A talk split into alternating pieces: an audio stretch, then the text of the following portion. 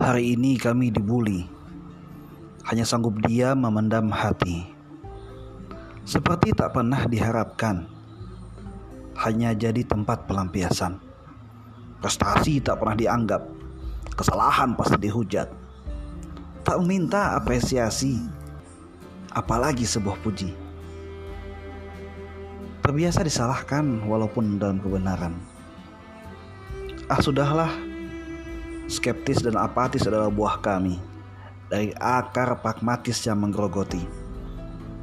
Lautan manis tak pernah dirasa, setetes pahit pasti dihina. Tak jua peduli, tak jua empati. Biar waktu berlalu dari tegak hingga layu. Biarkan berganti, hilang, tiada arti.